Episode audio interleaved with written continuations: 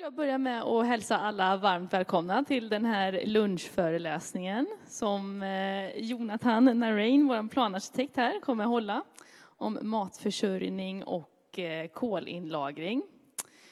Eh, och det här är ju en ganska högaktuell fråga för oss här i Skara som har ett tydligt politiskt mål om att vi ska växa och att staden växer. Och samtidigt så är kommunen omgiven av jordbruksmark. Eh, och här tror jag att det behövs lite nya kreativa lösningar och lite nya ögon. Och eh, det är väl just det som eh, Jonathan har tittat på här i sitt examensarbete som vi ska få ta del av här nu. Och innan jag lämnar över ordet så ska jag säga att det finns en chatt där ni som hänger med på länk kan ställa frågor och så kommer vi ha en liten frågestund här på slutet Eh, så det är bara att ösa på med frågor så tar vi dem sen. Men då lämnar jag över ordet till Jonathan här. Tack så mycket. Tack Mona. Ja, Jonathan heter jag och jag är som sagt planarkitekt här. Och eh, när jag inte var det så var jag arkitekt, pluggat på Chalmers eh, och eh, hållit på en hel del med mat och odling både på fritiden och professionellt i olika sammanhang. Eh, så jag har bland annat jobbat mycket med stadsodling i Göteborg eh, och eh, etablera sådana. Eh, men också eh, mina föräldrar driver ett, eh, ett, en gård uppe i Dalsland där jag är väldigt engagerad också, har en stor odling och där vi har får och ankor och lite olika djur och sådär. Så mat och matproduktion ligger nära hjärtat och jag är väldigt intresserad av det här med regenerativt lantbruk som alla kanske inte känner till den termen, men vi kommer prata lite om det idag. Eh, så jag tänker att vi, vi kör igång. Och eh, mina slides här då, eh, de kommer vara på engelska. Och jag hoppas att ni har överseende med det. Jag gjorde ju hela mitt exjobb här på Chalmers på engelska. Eh, därav har jag inte översatt allting än. Men jag kommer ju prata svenska så jag hoppas att ni förstår ändå. Och eh, ni som lyssnar på detta via podd, eh, ni, för er spelar det ingen roll. För ni kommer ju bara höra vad jag säger. Så ja, ehm, vi kör igång. Jag tänkte att jag skulle börja med en liten fråga innan jag introducerar vad mitt exjobb handlar om. Och jag vill att ni svarar ärligt, så alla ni här i rummet, hur många av er äter mat? Regelbundet? Upp med handen. Ja, jag erkänner, jag äter också mat eh, regelbundet. Eh, hur många av er känner er matproducent eller någon av era matproducenter? Ja, men det var ändå ganska många händer faktiskt. Det brukar inte vara riktigt lika många händer på andra frågan här, men eh, jättekul. Eh, det som jag vill belysa lite med de här frågorna är ju att vi alla har en relation till mat på olika sätt. Alla äter mat. Eh, om man inte är inlagd på sjukhus två dropp då, men det är ändå liksom någon form av näring som måste produceras för att vi ska kunna, som vi måste, ja, vi behöver alla äta helt enkelt. Men de senaste åren så har vi kanske haft en annan relation till just matproduktionen. Vi har inte haft samma relation till den som producerar maten som vi, som vi hade eh, kanske för 100 år sedan eller 50 år sedan. Och det hänger ihop med hur det sättet vi producerar mat idag, att det har blivit hamnat lite längre ifrån oss konsumenter. Eh, och det har också förändrats ganska mycket, blivit mycket mer storskaligt. Och, eh, det är en hel del hållbarhetsutmaningar kopplat till detta. Och det är mot bakgrund av detta som jag eh, brinner väldigt mycket för de här frågorna. Eh, för jag tror att mat och det sättet vi producerar vår mat eh, kan vara en lösning på många av de hållbarhetsutmaningar som vi står inför idag. Så mitt eh, exjobb heter, om jag översätter det till svenska här nu, så heter det kolinlagrande matregioner. Och det är alltså, eh, ja, kanske en liten provokativ titel, för jag, jag tycker det är väldigt spännande hur man idag pratar om att vi ska bli koldioxidneutrala eller klimatneutrala och sådär. Men jag tror att om vi verkligen satsar på till exempel det här med regenerativt jordbruk där man bygger upp jordarna och ekosystemens hälsa och binder in mer kol än vad man släpper ut så kan man faktiskt ha en positiv eh, inverkan så att man kan rent av lagra in mer kol än vad man släpper ut. Ehm, och det är precis den här visionen som jag ville utforska i mitt exjobb. Ehm, och den här lilla bilden är väl någon liten teaser kring hur det skulle kunna se ut när man planerar eh, ett samhälle utifrån naturens egna eh, mönster. Eh, efter naturens egna modell kan man säga. Kommer att prata mer om det. Men en liten bakgrund till där vi står idag är ju en av de stora frågorna som vi står inför är ju just det här med klimatförändringar. Vi har också ganska många andra kriser som är närbesläktade, biologisk mångfald, eh, må många samhällsutmaningar där, där det går åt fel håll idag. Och normalt sett så brukar ju vår approach vara att minska vår negativa påverkan så mycket som vi bara kan för att kanske komma till netto noll utsläpp och sådär. Eh, och det som är intressant med att tänka att man kan skifta till ett regenerativt sätt och kanske bruka mark eller bygga samhällen är att man kanske inte måste nödvändigtvis bara minska sina eh, negativa ehm, sätt att påverka samhället utan man kan också öka det positiva fotavtrycket som man kan få eller faktiskt kan ha som människa. Eh, och ett bra exempel på det är just eh, när man jobbar med att bygga upp jorden och faktiskt kan lagra in kol i marken. Det här är bara ett av alla de exempel på fördelar med att jobba med ett regenerativt lantbruk. Så den här kurvan kommer från en film som jag gärna vill tipsa alla er att titta på som heter Kiss the Ground som släpptes för två år sedan. Eh, som presenterade den här idén om regenerativt lantbruk eh, på ett eh, väldigt pedagogiskt sätt tycker jag. Och här har de den här kurvan som vi brukar se över koldioxidutsläppen i atmosfären. Och deras vision var ju då att, att helt enkelt lagra in mer kol än vad vi släpper ut på, på en global nivå. Eh, nu tyckte de att vi borde ha börjat med det 2020. Det var väl inte riktigt så det blev, men om vi kan sätta igång med det här arbetet så kan vi faktiskt se att bara inom något årtionde skulle vi kunna få en ganska eh, spännande positiv utveckling. Eh, och det har väldigt många andra fördelar också. Dagens jordbruk, eh, som jag nämnde, ser ut lite så här. Det är ganska storskaligt, eh, industrialiserat, globaliserat och väldigt beroende av långväga transporter, eh, mycket mm, insatsvaror, eh, konstgödsel, besprutningsmedel och så vidare. Och framför allt, eh, det som är intressant med det här är ju att det är tack vare den här typen av storskaligt jordbruk som vi har idag som vi också har kunnat bygga våra stora städer som London och Paris som kanske inte hade kunnat komma till om det inte var så att vi kunde just skeppa maten över hela världen och, och producera i, i den här skalan. Men det finns väldigt många utmaningar och problem med den här typen av jordbruk. Eh, så jag, det jag ser framför mig är kanske lite mer skifte mot småskalighet och en närmare relation mellan konsument och producent. Och ett sätt att bruka marken där man också regenererar ekosystemen och bygger upp jorden. Det här var en bild som jag tog fram över en vision av den gården som jag designade under mitt exjobb som heter Bjällansås gård som ligger i Uddevalla kommun. Ehm, och här ser man lite exempel på allt ifrån eh, ätbara skogsträdgårdar och grisar och höns som är en del av de här eh, landskapen och både ger mat och ger nytta på olika sätt genom att kanske böka upp jorden som ska odlas eller beta eh, så man kan ha gräsbetande ägg till exempel, eller gräsbetande höns som ger ägg. Och så har vi en market garden här uppe på, på bilden också där man producerar grönsaker eh, med mycket handverktyg och så, så utan traktorer. Och faktum är att den här sättet, det här sättet att producera grönsaker har visat sig kunna producera 20 gånger mer mat på samma yta jämfört med traktorbaserat eh,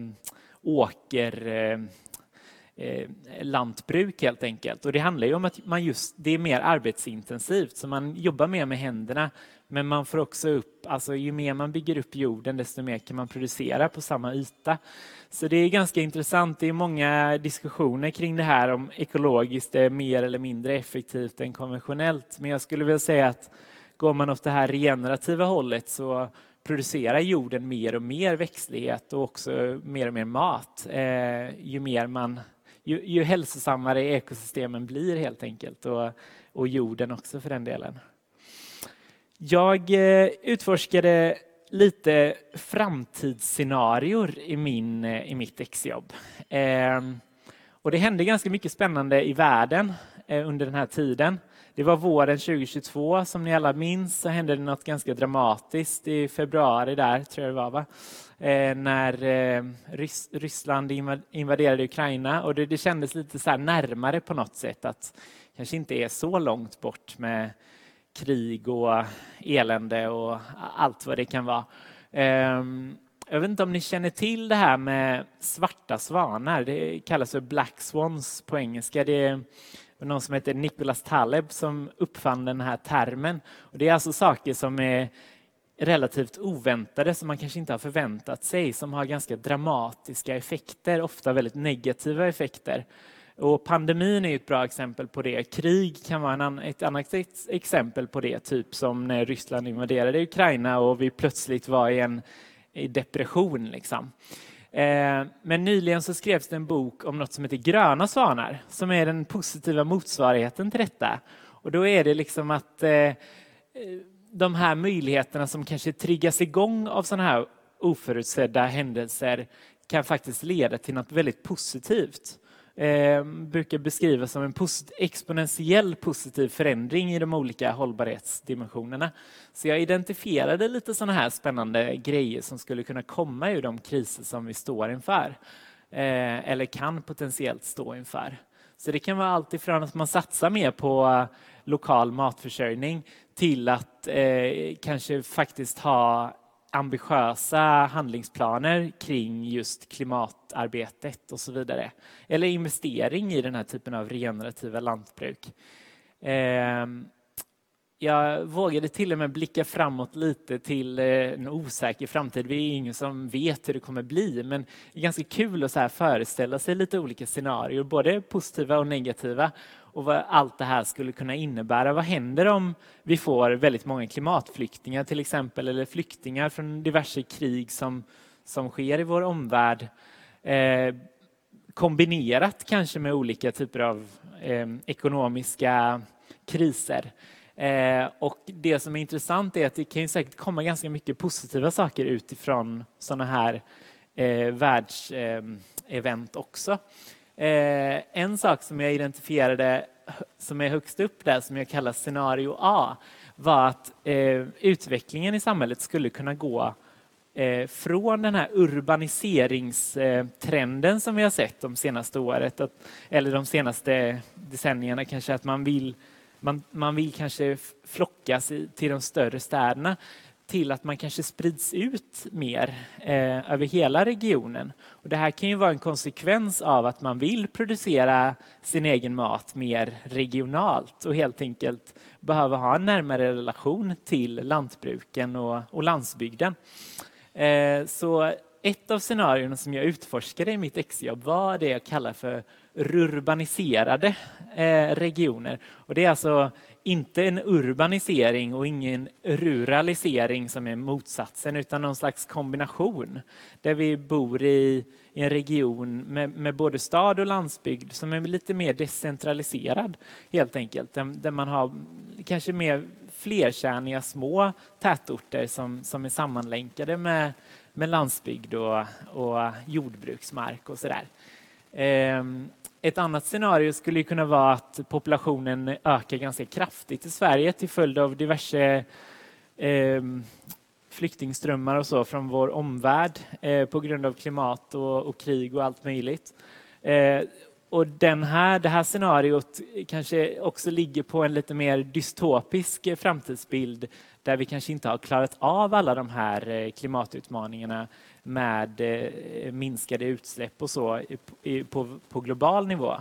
Och det innebär ju att vi kanske också får då, om vi tittar på hur de här två scenarierna skulle kunna se ut i någon form av illustration, eh, så betyder det att det här andra scenariot eh, inte bara är vi fler utan vi har också kanske mer extrem nederbörd eh, och extrem värde, eh, värdelekar.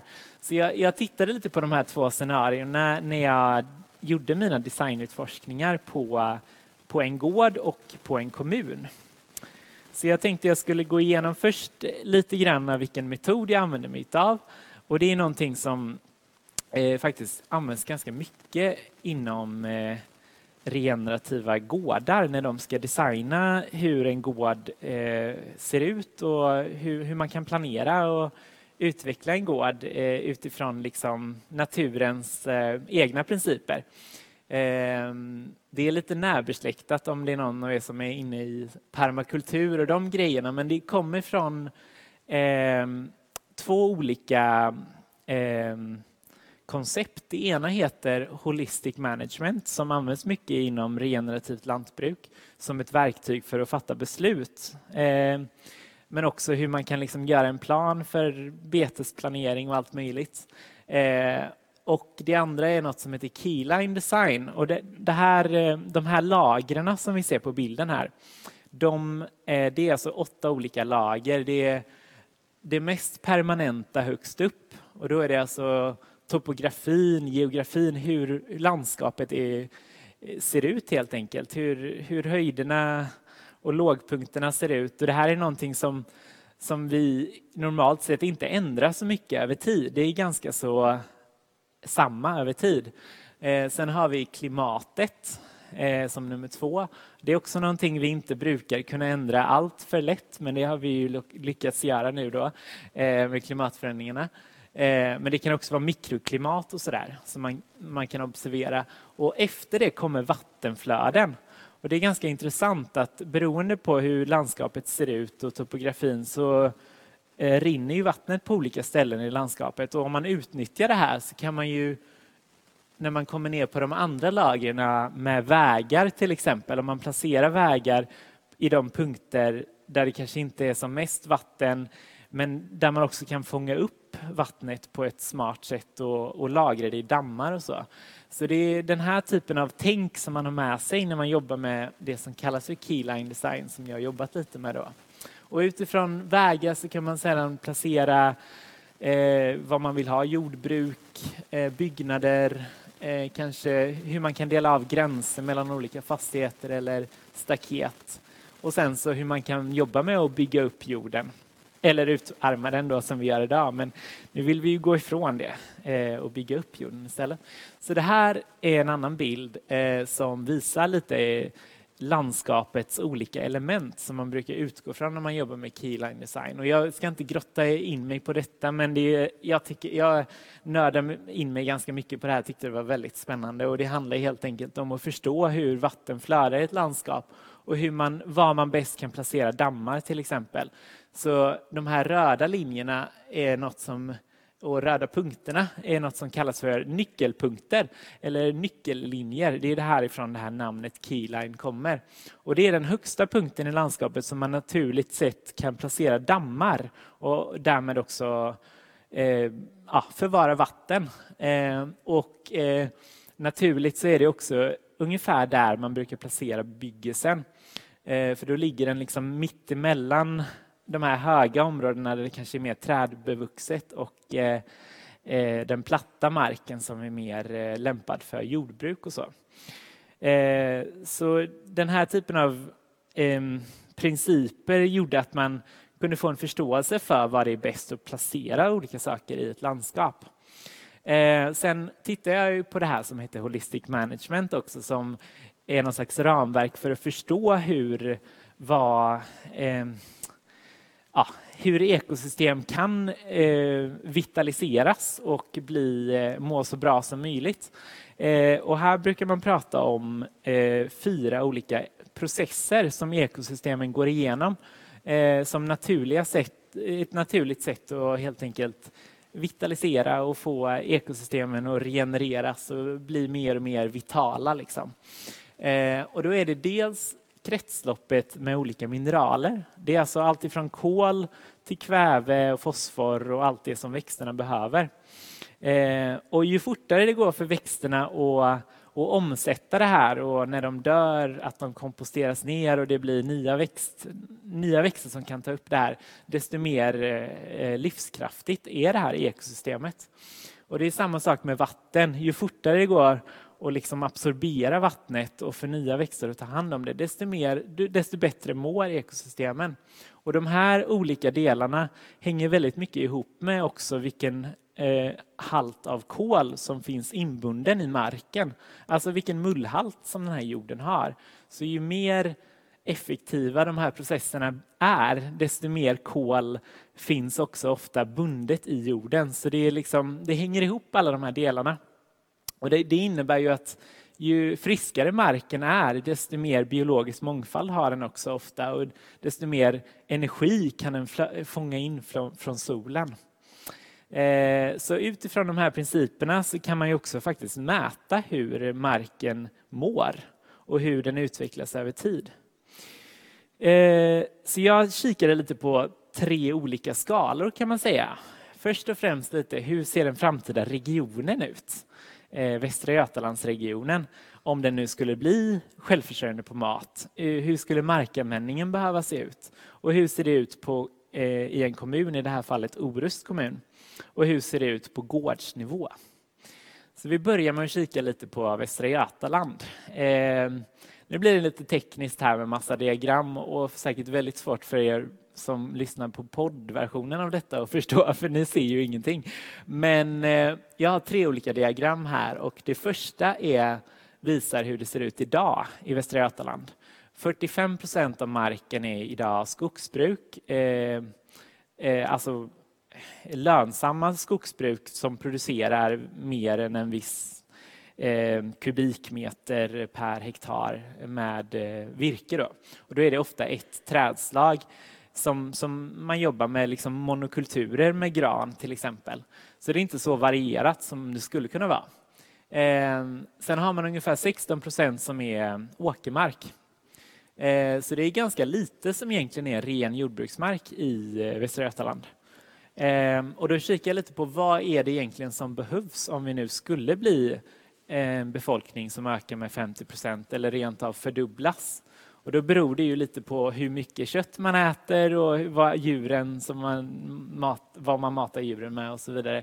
Men jag kom fram till att även om vi äter lite mindre kött då, än vad vi gör idag så skulle vi behöva ganska mycket mer jordbruksmark och framförallt också då betesmark. Vi skulle behöva öppna upp skogen och få en större mångfald av träd och kanske Eh, större biodiversitet i skogen samtidigt som vi också får in våra djur, våra betesdjur och grisar och getter och allt vad det kan vara i skogarna för att producera mat samtidigt som vi också kan producera eh, virke och så vidare. Så eh, den, den gröna, ljusgröna procentdelen eh, här som var kanske runt 2% idag behöver kanske öka till 14-20% i framtiden om man ska klara att bli mer självförsörjande på mat i regionen. Eh, här har vi ett väldigt intressant diagram om man ska titta tillbaka lite. Hur såg det ut i, i eh, Västra Götalandsregionen, eller förlåt, Sverige? Eh, historiskt, hur mycket jordbruksmark har vi haft per person? Och då har vi alltså varit uppe i ungefär 0,7 hektar per person under 1890-talet. Och det var liksom rekordmycket. Och nu är vi nere på under 0,3 procent, 0,25 eller 0,25 hektar eh, per person. Och det är rekordlite kan man säga. Och det här är ingenting vi pratar om så mycket i Sverige, men vi har en nedåtgående trend. Och det här är någonting som jag tror vi behöver bli medvetna om och, också bryta och jobba med att faktiskt få upp andelen eh, jordbruksmark per person. Eh, och eh, en, en av de här scenarierna som jag utforskade var just den här urbaniserade regionen där där vi kanske bor i en mer flerkärnig struktur av, av städer och tätorter. Och det är ungefär så som det är idag i Skaraborg kan man säga. Skaraborg är ett väldigt bra exempel på en flerkärnig region kan man säga, där, där man har flera olika städer och tätorter med omgivande landsbygd och, och jordbruksmark då, som skulle kunna försörja de här tätorterna. Det är lite svårare i, i när, när, när, det blir mer som i Göteborg och Göteborg ska fortsätta växa och vad händer då? Hur, hur, hur långt ifrån stan behöver man komma för att producera maten för att försörja stan? Då? Eh, jag tänkte vi skulle hoppa ner i skala lite till eh, gården, Bjällansås gård, som jag har eh, kikat lite på. Eh, och Bjällansås ligger ju då i Uddevalla kommun, precis på andra sidan vattnet från Orust. Och här har man då, för att komma till den här framtiden där man där man är lite av en modellgård kring de här regenerativa jordbruksprinciperna så har man jobbat med, med de här fem olika strategierna eller eh, oh, sakerna som man har gjort helt enkelt. Så vad, vad, har man gjort? Vad skiljer det här lantbruket från hur det drevs idag? Ehm, 2020 då, eller 2022. Eh, och då kan jag säga att redan idag så drivs det som ett regenerativt lantbruk, men man har främst då kor som betar eh, på markerna här, så man roterar runt eh, så att eh, gräset och jorden Ehm, byggs upp. Ehm, men i mitt framtidsscenario så har man också integrerat andra typer av djur i betesmarkerna då, så man har även ehm, höns och olika fåglar. Eh, man, man jobbar med fruktträd och bärbuskar som en integrerad del av också åkermarken eller den här öppna, det här öppna landskapet. Eh, man har jobbat med att integrera mer grönsaksproduktion. För man producerar ju en jäkla massa gödsel och det ska ju kunna nyttjas på något sätt och man, ska, man vill gärna kunna sluta i kretsloppet och också sälja grönsaker till de som köper kött och sådär. Um, så man har byggt upp en market garden här då, en grönsaksodling som ni ser där det är en liten tvåa. Uh, ja, det är lite svårt att peka. Uh, sen har man också blivit en, en större... Eh, I nuläget så är det inte så jättemånga som bor här, men i framtiden så är det ganska många som har flyttat hit för man har skapat ganska många nya arbetstillfällen. Så där man idag anställer kanske ett par stycken så har man idag, eh, i framtiden ett dussintal arbetstillfällen bara kring jordbruket. För man har så pass många olika verksamheter. Man har höns, man har eh, kanske getter och grisar i skogen. Man har får eh, och kor. Eh, man har grönsaker och så har man de här skogsträdgårdarna där man producerar eh, olika ätbara grejer. Ehm, och för, att, för, alla de här som ska driva det här jordbruket så behövs det ju platser att bo och, och, leva och man kanske vill vara en del av det utan att driva, vara med och driva det också. Så plötsligt så har det poppat upp massa tiny houses som ni ser ehm, de här röda små pluttarna som är väldigt små hus då, som, som jag har föreslagit lite placeringar på i landskapet runt de här ätbara skogsträdgårdarna så man kan liksom vara en del av, av landskapet och de är också placerade uppe lite mer lite ovanför den här jordbruksmarken där husen faktiskt eh, är mest, bäst lämpade att placera eh, utifrån sol och dränering och allt vad det är. Ehm, Sen kikar jag lite på hur man kan placera träd utifrån eh, staket eller hur man kan placera eh, staket i relation till träden. Då. Och då hade de ganska intressanta eh, system kring staket idag. Och det är också något som är intressant om man ska följa den här keyline-metoden så ska man ju faktiskt låta träden bestämma var staketen ska dras istället för tvärtom. Men här hade de väldigt bra system redan för staketen tyckte man. Så då gjorde jag en liten kompromisslösning och placerade träden ut efter staketen istället. Och det kan man också göra. Men det var bara en liten, eh, en liten en detalj här. Och här har vi bilden igen som jag visade tidigare. Och här är då är den här skogsträdgården som jag har nämnt några gånger, som jag också tror är det första man börjar med för att få den här gården och bygga upp den här lokala gemenskapen. Eh, kanske engagera folk i närområdet kring att vara med och producera mat tillsammans. Kanske hålla lite andra typer av djur än bara kor då, testa på lite höns, testa på lite grisar kanske. Eh, bygga upp en liten damm för att fånga vatten och så vidare. Och så kan det i sin tur då leda till att folk kanske vill engagera sig och odla eller engagera sig och ha ett litet hönsföretag där man producerar ägg. Så det här på något sätt var ett nyckelprojekt för den här gården, tänker jag mig, för att komma till det här framtida scenariot och, och ha de här olika verksamheterna och inte bara en verksamhet som man har idag. Eh, sen så zoomar vi ut lite och tar oss till Orust kommun som ligger precis nedanför här. Ganska mycket större skala än gården som ni ser på bilden här då.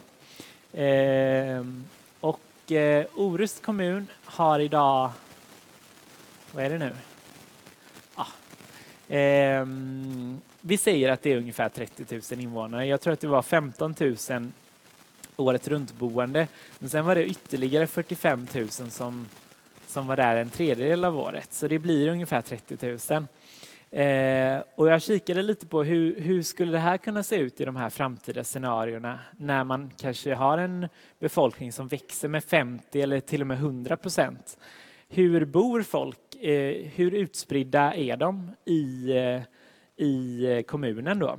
Eh, Orust är en kommun som är ganska så decentraliserad också. Den är inte urbaniserad direkt utan jag tror mer eller mindre hälften av alla som bor på Orust bor utanför tätort, vilket är ganska intressant.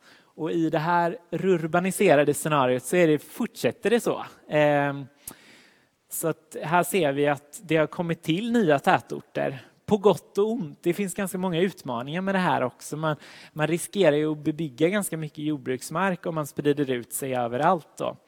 Eh, man äter ungefär 50 procent eh, animaliska produkter. Och eh, markanvändningen ser ut som det här lilla diagrammet. Då. Att det är ungefär 16 procent åker, 20 procent bete och 20 procent skogsbete kan man väl säga.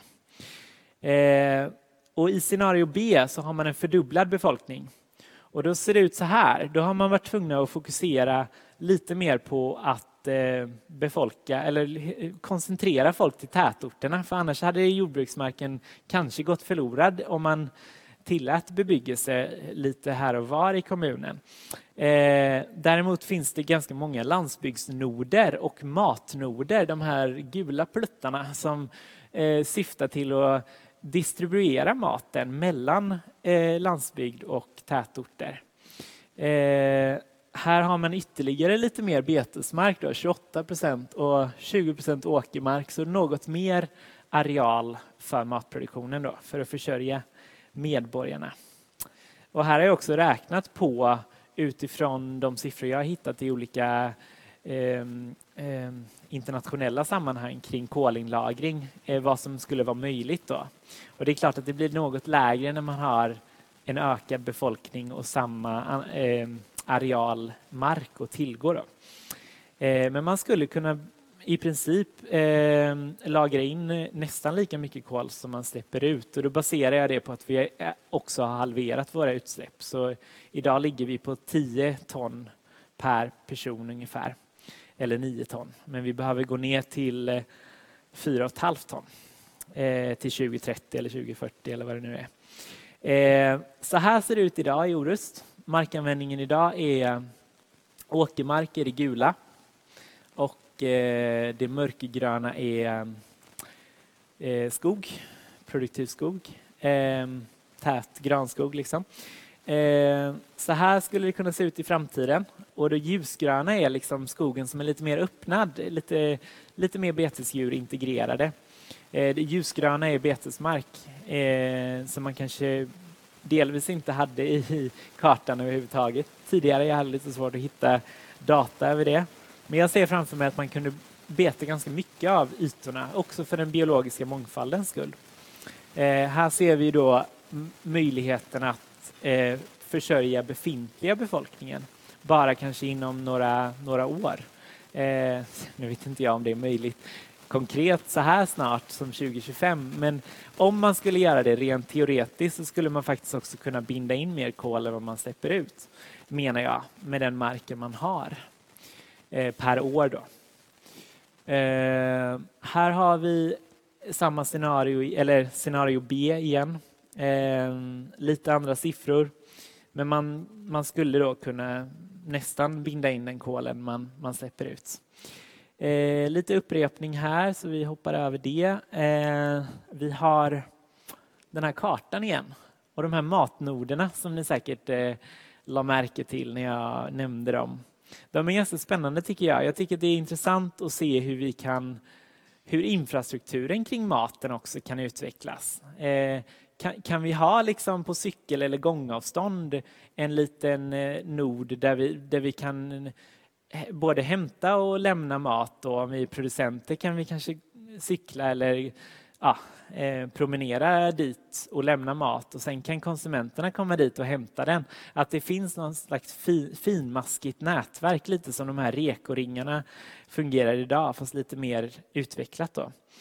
Eh, för vi ska ju inte behöva transportera maten för långt heller.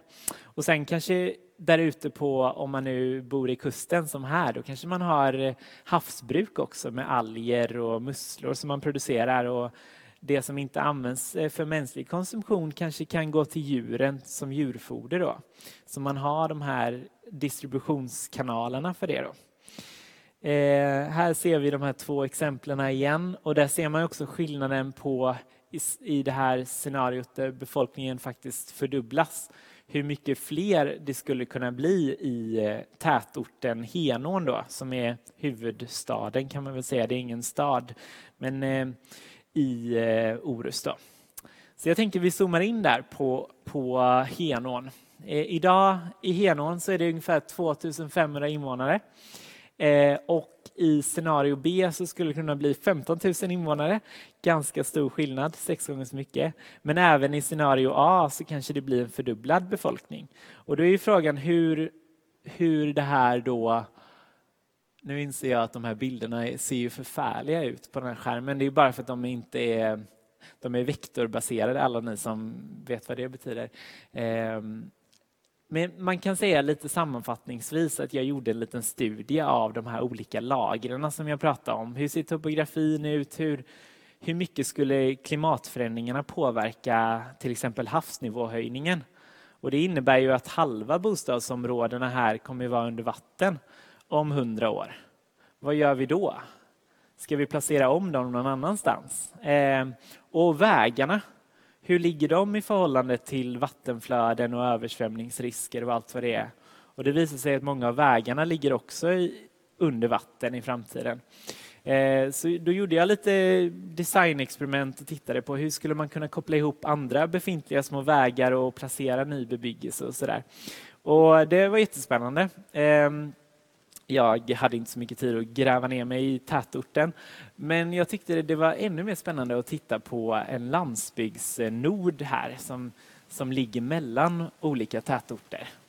Och det här är då en plats som jag tror att man per automatik skulle kanske bebygga utan att det nödvändigtvis är liksom planen. Man har ingen detaljplan här eller någonting utan det bara blir så eh, när staden eller kommunen invånarna växer eh, i, i, an, i antal. Då.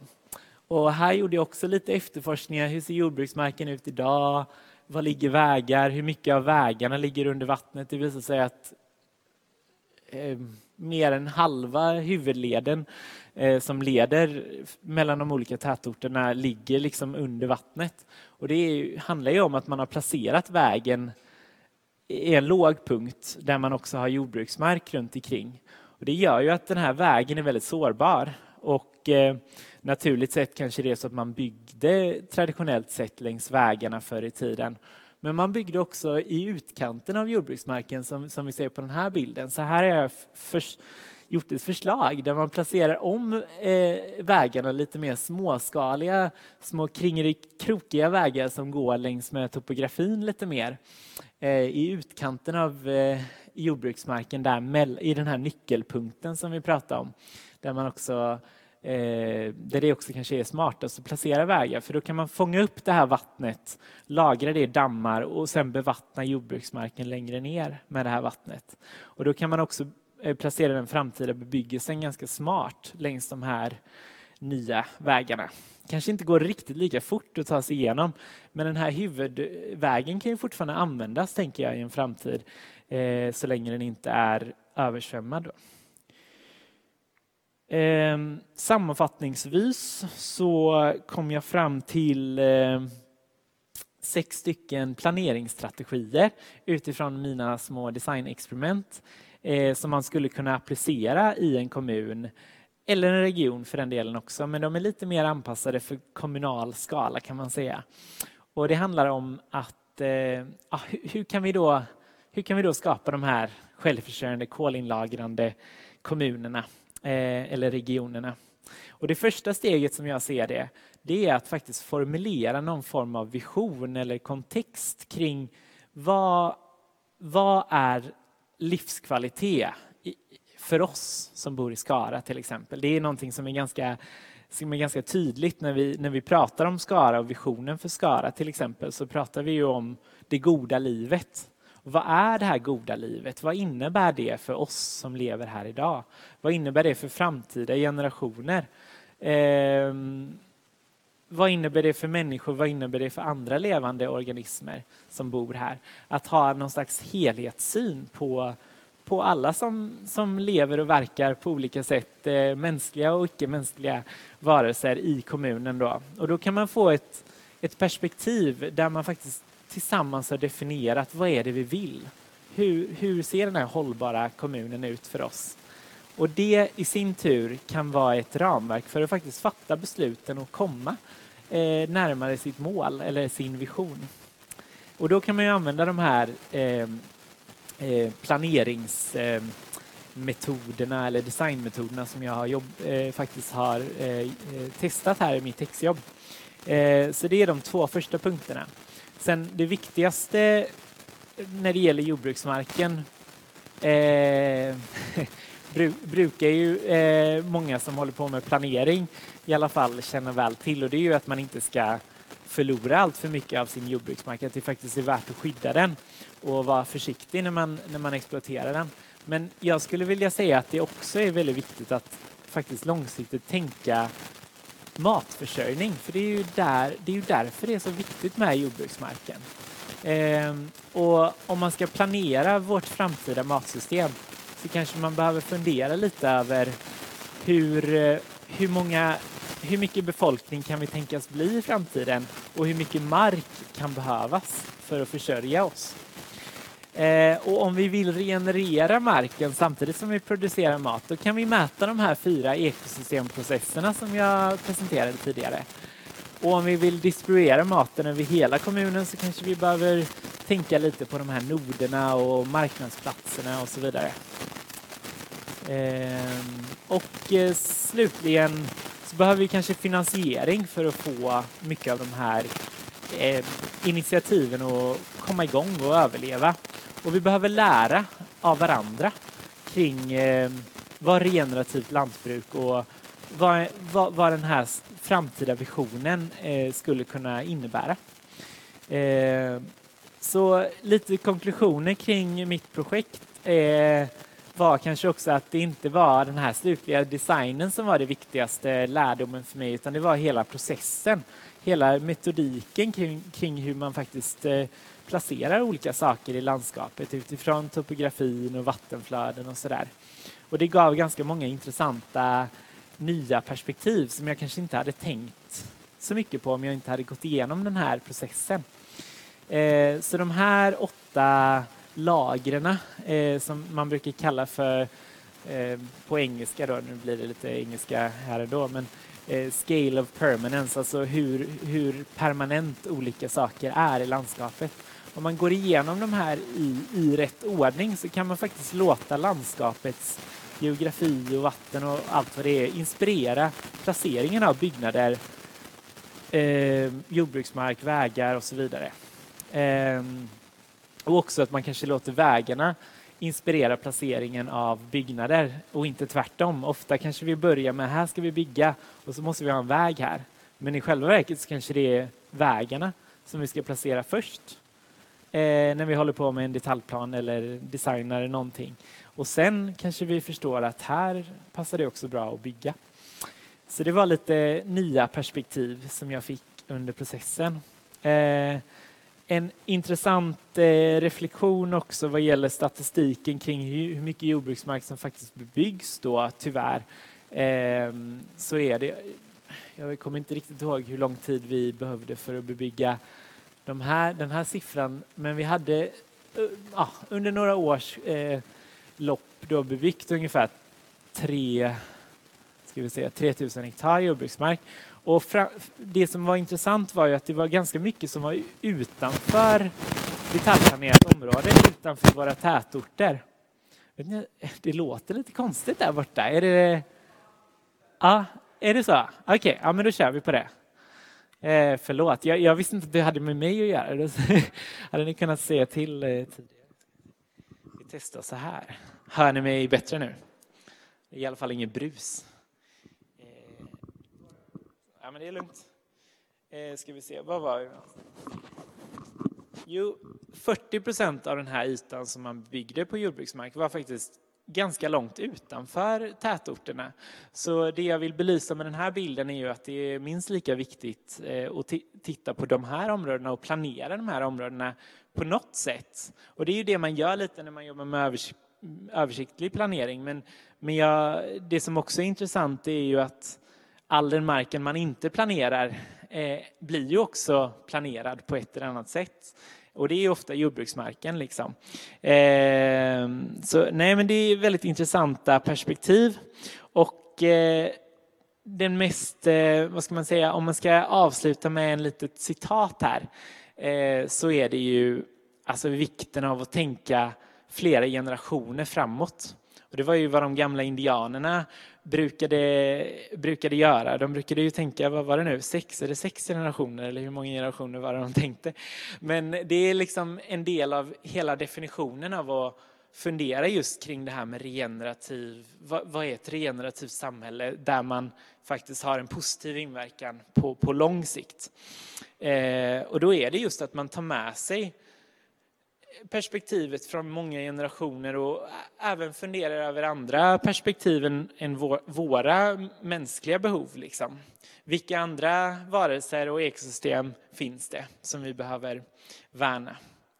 Och ofta gör vi ju det när vi tänker kring fysisk planering. Vi behöver väga många olika perspektiv. Och kanske kan vi också tänka in framtida, eh, framtida generationer som, som en viktig aktör med sina intressen när vi planerar våra samhällen. Eh, och har vi en tydlig vision och en kontext som relaterar till det här så blir det mycket lättare att fatta beslut som är baserade på eh, någon form av långsiktighet. Då. Så en, ja, man kan väl säga att sammanfattningsvis så frågade jag ganska mycket Tänk om, vad händer om vi gör så här?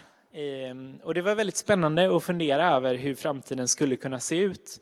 Och jag skulle vilja säga att det kanske är precis det vi behöver göra eh, för att medskapa den här framtiden. Att vi behöver gemensamt sätta oss och faktiskt samskapa den här visionen kring vad är det för framtid vi vill ha.